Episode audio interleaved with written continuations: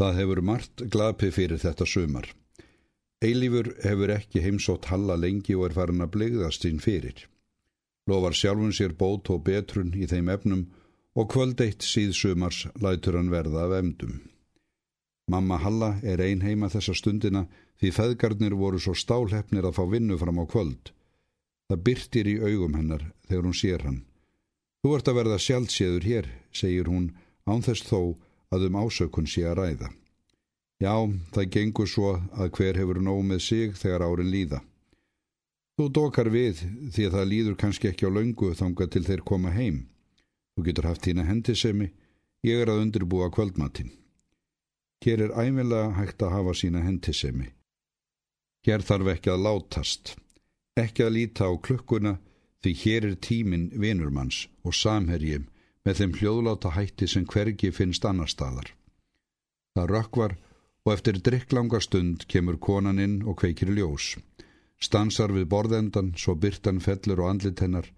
Þetta andlit sem hann þekkir svo vel og er fegura öðrum andlitum. En í þetta sinn er eitthvað annarlegt við það í skæri ljósbyrtunni, eitthvað sem ekki hefur byrst þaðra áður, svo honum bregður ónótanlega. Eitthvað fjandsamlegt hefur læst í það klóm sínum og neytar að láta það laust. En það er sama hvernig þessu andliti verður mistyrmt, það verður æfinlega fegursta andliti í heimi. Mikið fer ég illa með þig, segir hún, læti sitja hér einan. Nei, nei, flýtir hann sér að segja, mér hefur ekkert leiðist. Þú ert því ekkert óvanur að vera einn. Stundum vil ég vera einn, svo get ég æfinlega komið hinga þegar mér leiðist. Mér þykir vandum að þú gast fundið hér atkvarf þó það hafi ekki bóðið upp á mikið, segir konan. Þú getur ekki ímyndað þér hvað það hefur verið mér mikil svirði. Ég get vist ekki skýrtað fyrir þér af hverju. Nei, það ná ekki alltaf orði yfir það sem býr í brjósti. Hann veit ekki svar við þessu. Það verður stutt þögn, svo samofinn kyrðstofunar að þar vottar ekki fyrir gáru. Þú heldur því áfram að lít inn, segir hún svo þó ekki sé nema vegna Halla, það við æfinlega verið svo samrindir eins og þið eru þó ólíkir. Nei, svo sannlega eru þið ekki á sama sögðahúsi, en þó eigið þið það saminlegt að eiga dálítið erfitt með að standa einir. Ég hef alltaf verið væskill og kjarklítill, segir hann sannleikanum sangfænd, en Hall er svo sterkur og hugaður, hann er oft búin að bjarga mér úr klípu. Það er ekki alltaf einlít að vera sterkur í nefunum til að geta staðið einn og borið af sér. Halli minn er vætn og ærlegur piltur, en hann á það til að vera dálitið fljótfær og auðtrúa og það getur margt brugðist til begja vona þegar við hrekkleysið eitt er að styðjast. Ég get ekki að því gert að ég er stundum dálitið hugsand út af honum. Ég veit ekki hvað kann að verða úr þér, heldur hún áfram, þegar hann gerir enga tilrönd til að skjóta einn orði. Þú ert svo dölur, horfur meira inn í sjálfan þig en framann í heiminn. Ég veit þú átt þína eigin veröld sem þér er sártum og ég vil ekki svifta þig henni. Hún kann að vera góð og fallega á meðan hún varir, en það kemur að því að hún verður að láti minnipokan fyrir heimi veruleikans og það skiptir mestu máli hvernig þú kanta spjara þig í honum. Það verður ennþögn og konan fytlar við dúkornið á borðinu. Ég verð bráðum að heiman, dálitinn tíma segir hún svo. Ég veit ekki hvað lengi, en það breytir vonandi engu. Þessi frétt kemur flatt upp á hann, því hann veit ekki til að mamma Halla hafi nokkru sinni verið að heimann degi lengur. Það lítur að vera eitthvað áriðandi sem kallar hann að heimann, dálítinn tíma. Hann þorir ekki að spyrja og kannski stendur svarið þegar skráði andliti hennar, fegursta andliti í heimi. Hann rekst á Halla fáum dögum síðar. Hann er brattur að vanda en samt leinir það sér ekki að eitt hvar er að.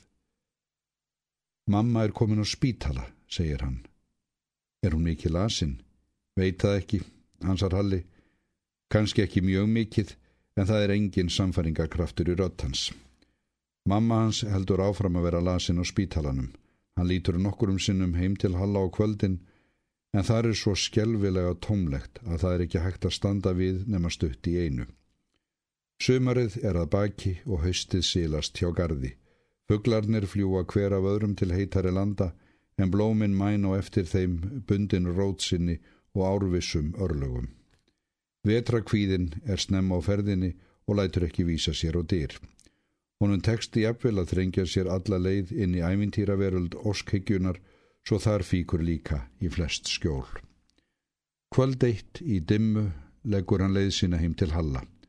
Eldri sýstrin kemur til dyra og með henni þetta sem leið hefur í lofti síðustu vikurnar.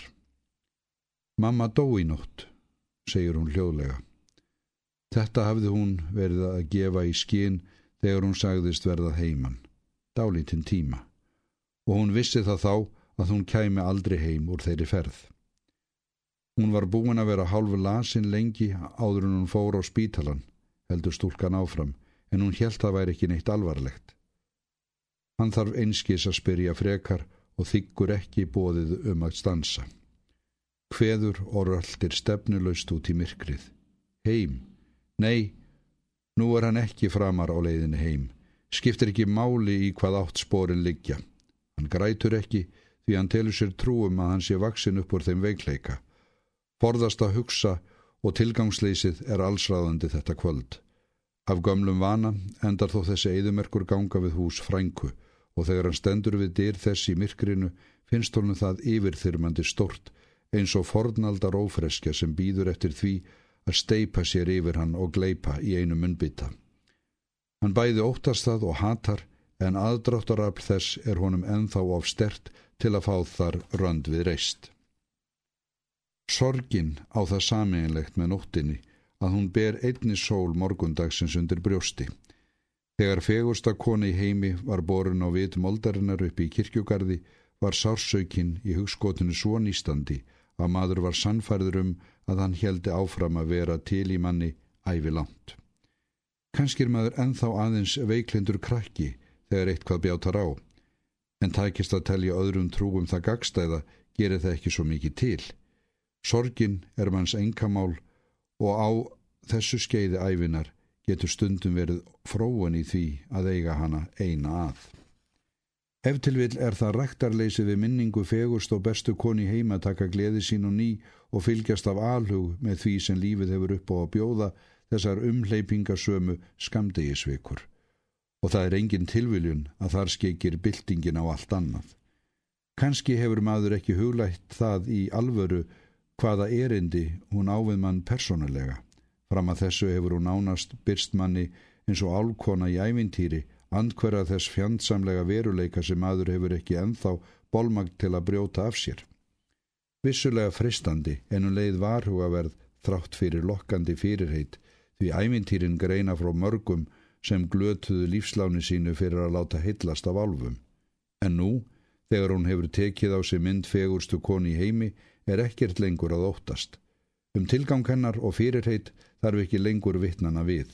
Hún einn getur látið hann rætast, draumin um blómið upp úr snjónum. Bildingin á Íslandi hefur kannski ekki borist mikið á, en samt hefur henni vaksið svo fiskur um hrygg að auðvaldinu skjáttlast ef það heldur sig geta kveðið hann í kútin.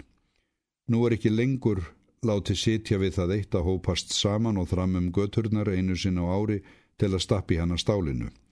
Næsta herrbrað heitir verkfall til að komi veg fyrir að auðvaldinu tækist að framfylgja þeirri hugssjónsinni að lækka kaupið ofan í atvinnuleysið.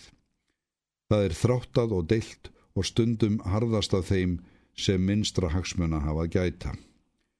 Hvað hefur það upp á sig fyrir atvinnuleysingjan að fara í verkfall?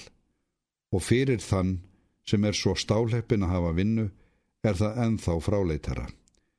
Þeir sem hafa ráð á skinnsemi sklóru hljóta sjá og skilja að það er útilokað að greiða herra kaup og enn síður að búa til vinnu handa öllum. Þegar öll er á botnin kvólt borgar það sig yfir höfuð ekki að borga mannum kaup og ætla svo til þessi þokkabátt að þeim sé séð fyrir vinnu þegar engin verkefni kalla að. Atvinnuleysi er náttúrulögmál sem auðvaldi fær jafnvel ekki ráði við þótt að kunni eitt og annað fyrir sér. Svo er það út í bláin að tala um auðvald á Íslandi þótt ef til vil fyrirfinnist að einhver staður í útlöndum. Þegar öll kurl koma til gravar, bæði þar og hér, er það allsleysingin sem á þakka sínum sæla því hann nýtur þó þeirra forréttinda að ekkert verður af honum tekið. Þegar harnar á dalnum hlítur því sá að verða fornarlampið sem hefur tekist með elgi og ráðdeild að öngla fram yfir það sem hann þarnast til næsta máls. En byltingin spottar þessar kenningar auðvaldsins og gerir gís að barlómi þess auk þess sem hún hefur í heitingum. Hvorugur aðlinn nekar frá sínu svo allt bendir til að það verði nefarétturinn sem sker úr um úrslitin. Sögufróðir menn eru farnar að líka ástandinu við störlungaöld Munurinn sá einn að svo gamla var þó ólíkt virðulegri. Þá voru það höfðingjar og fínir menn sem deildu og drottnuð og letu fægð vopn skera úr um deilumálin. En nú er það ættlaus hlaupalýður sem veður uppi með kröfur og hótanir um að var endaskipti á þjóðfélaginu. Eilífur fylgist með af líf og sál og er strax til í tuski þegar Halli kemur eitt kvöldið og spyr hvort hann vilji vera með á verkvælsvakt. Það get orðið slagsmál, segir Halli. Ég er ekki hrættur, segir vinur hans borginmannlega. Þú verður með mér, segir Halli. Í hitta baróttunar vill að stundum gleymast hvað í húfi er, en þegar búið er að lofa því að vera með er ekki hægt að ganga á bak orða sinna. Næsta kvöld heldur hann því með Halla og vettvang. Varstaðan er við ingangað stórum vöruskemmum, útsinningur skamdegisins leikur lausum hala eins og veðurguðurnir hafi mistaf honum taumhaldið. Fáinir menn eru þarna fyrir og samtímins þeim félugum koma tveir aldraði menn til varstöðu. Allt í lægi piltar, segir fyrirlið hópsum sem fyrir er, þeir hafa ekki látið skína í víktennurnar í dag. Kanski komist þið að því fullkeifti í nótt, segir annar. Það er kæftæðu um að þeir sjöu með eitthvað í bígerð. Komið þeir bara, segir Halli, við lemjum þá þá í klessu. Þeir sem fyrir voru kveðja og fara, en fjórmenningarnir taka sér stöðu við hliðið. Það er ekki hægt að standa lengi í sömu spórum vegna kuldans og viðræðurnar vilja verða slitróttar. Hallið þekkir báða gömlumennina. Annar heitir Árni en hinn er kallaður Valdi. Þeir eru báðir veðræðir og lótlegir og ekki líklegir til stórræða. Sílalegir í reyfingum og larvarlega klættir en kuldin virðist ekki býta á þá. Óskupur að sjá hvernig þú ert klættur, drengur, segir Árni við eilíf. Þú króknar þegar kemur fram á nóttina. Mér er ekki vitund kallt, ansar pilturinn gegn betri vitund, því honum er þegar óþægilega ljóst að hann er ekki búin til nátt langrar útívistar í risjóttu skamdegisveðri. Eina skjólflíkin er þunnur frakkagopi, ekkert um hálsin og húan verður naumast tegð niður á eiru. Skórnir ekki til að tróða snjó og svo hefur honum láðust að taka með sér vellinga. Það býtur ekkert á halla. Húulegs gengur hann hvernig sem viðrar og hann kann betur við sig berhendur þegar horfur er á að hann þurfa beita nefunum. Hann er þó í peysu að ofanverðu. Þessi rúningar kunni ekki að klæða sig, segir Valdi, og það fer ekki á milli mála hver á sneiðina. Verða svo að auðmingum strax og bjátar á með veður. Heilífur nennir ekki að skattirðast við kallin, er staðraðun í því að drepast fyrir og kulda en að gefast upp. Ekkert ber til tíðenda lengi vel, Þeir gangum, berja sér og bölva auðvaldinu til að halda á sér hita. Ég skal lána þér peisunum mína, segir Halli við vinsinn. Vinurinn mannar sig upp í að mótmæla þótt hann hefur orðið takmarkað vald á röddinu sökum munherkju. Ég klæði þig í hana samt, segir Halli og gerir sér líklegan til að framfylgja hótuninni.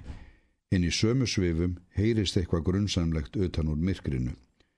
Döft skín frá götuljóskeri lýsir upp dálítinn blett umhverfist á til þess eins að myrkrið utan hans verður enn svartara en ella.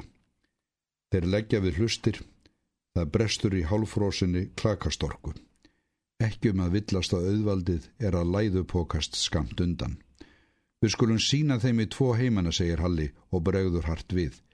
En hann verður að láta setja við orðin einn því slæðingurinn utan úr myrkrinu reynist vera síðpilsa kona pinklum hlaðin. Ja, hver grefillin, segir Valdi. Þetta er hún Þóra sem ég er lifandi maður, segir Árni.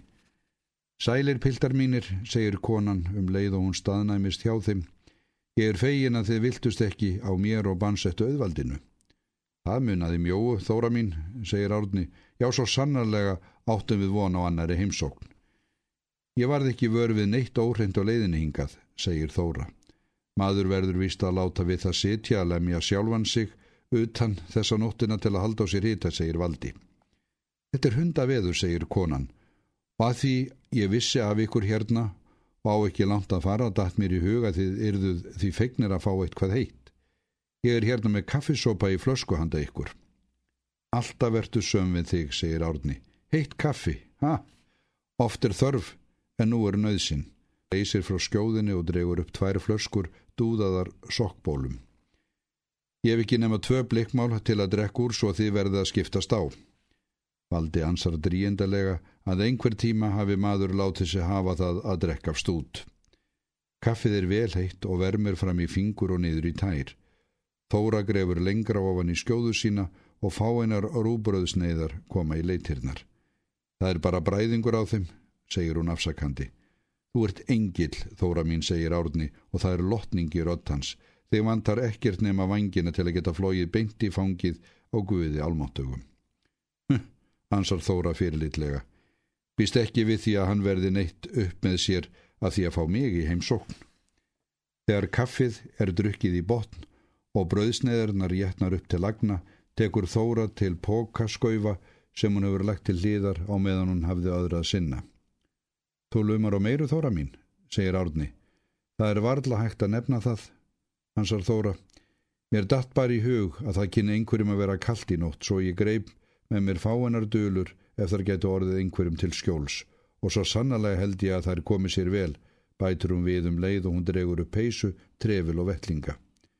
Mætti segja mér það, rýmir í valda, annars er það furða hvað strákurinn stendur sig svona ítla búin. Eitt kaffið hefur dreyið nokkuð úr vanlíðan eilífs í bráðina og viðurkenning valda bætir einnir nokkuð úr skák, þótt ekki sé hún afdráttarlaus með öllu. Hann skortir þó þrek til að mótmæla svo hann lætur sér linda vera klættur í peysuna, fá trefilum hálsin og vettlingan á hendurnar. Halli verður að þykja aðra sem afganga. Mér líst ekki á hvernig þú ert búin til fótanadrengur minn, segir Þóra Gaggrínin þegar lokið er við að klæða hann í að ofanverðu. Nú ferði sokkana þá arna utan að flöskunum. Þeir eru búin að gera sitt gagn við að halda hýta á kaffinu. Það þýðir ekkert að malda í móin svo eilífur smegir sér þegjandi í svellþæfða öllarsokkana. Þú gerir það ekki endasleft, Þóra mín, segir Árni. Ekki umtalsvert, ansar Þóra stittingslega. Þú þart ekki að skila mér þessum flíkum aftur eilífur, bætur hún við. Þegar þú þart ekki lengur á þeim að halda lætur einhver njóta þeirra sem er fatalítill í kuldanum. Eilífi gefst ekki tími til að stinja upp þakklæti því að í sömu svifum verða þeir þess varir að þeir eru króaðir af. Óvinnum byltingarinnar hefur tekist að koma þeim í opna skjöldu og standa nú vígur yfir anspænist þeim og vita sig eiga alls kostar við fjórmenningana. Gamli óttin við ofbeldið segi þegar til sín eins og lömun. Hann veit sér ofurseldan, veit sér ekki mann til að bera höndi yfir höfuð, eigir enga undankomuleið. Með erfiðismunum tekst honum að þoka sér aftur á bak fáinn skref þar sem ljóskíman nær ekki til hans. Þar lítur hann að býða þess sem verða vill. Jæja, piltar, segir einna komumönnum, nú likið þið í því. Komið bara ef þið þórið, segir Halli fastmæltur. Við skulum lemja ykkur í klessu. Hann stendur álútur með kreftan hefa og alla vöðu var spenta. Honum er svarað með hæðni slátri. En í sömu svifum réttir Þóra sig upp frá föggum sínum og snýsir beintað óvinninum. Þessi kona, sem er svo rýr hverstagslega, verður allt í einu svo stór að hún verðist gnæfa yfir hópin. Áhlaupasveit auðvaldsins hikar við og trúir ekki eigin augum. Hvenn maður? Jú, það er ekki um neitt að villast. Og ekki neyn venjuleg væbla heldur albrinnið valkyrja sem engin vopn býta. Hver anskotin segir einn í hópnum. Þóra gengur beint framann að fóringja flokksins, ungu manni vörpulegum á velli. Hann hörvar skref aftur á bak eins og hann kjósi helst að vera ósýnilegur.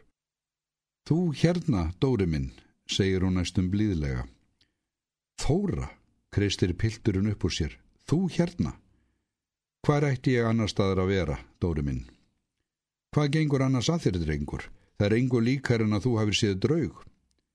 Akkur ert að blanda þér í þetta, spyr Dóri í vörn. Ég er ekki að blanda mér í eitt eða neitt, ansar Þóra. Ég veit ekki betur en að þessi staður sé mér frjáls og þið getið haft ykkar hendi sem er mín vegna. Hvað er annars að frétta af henni mömmu þinni, Dóri minn?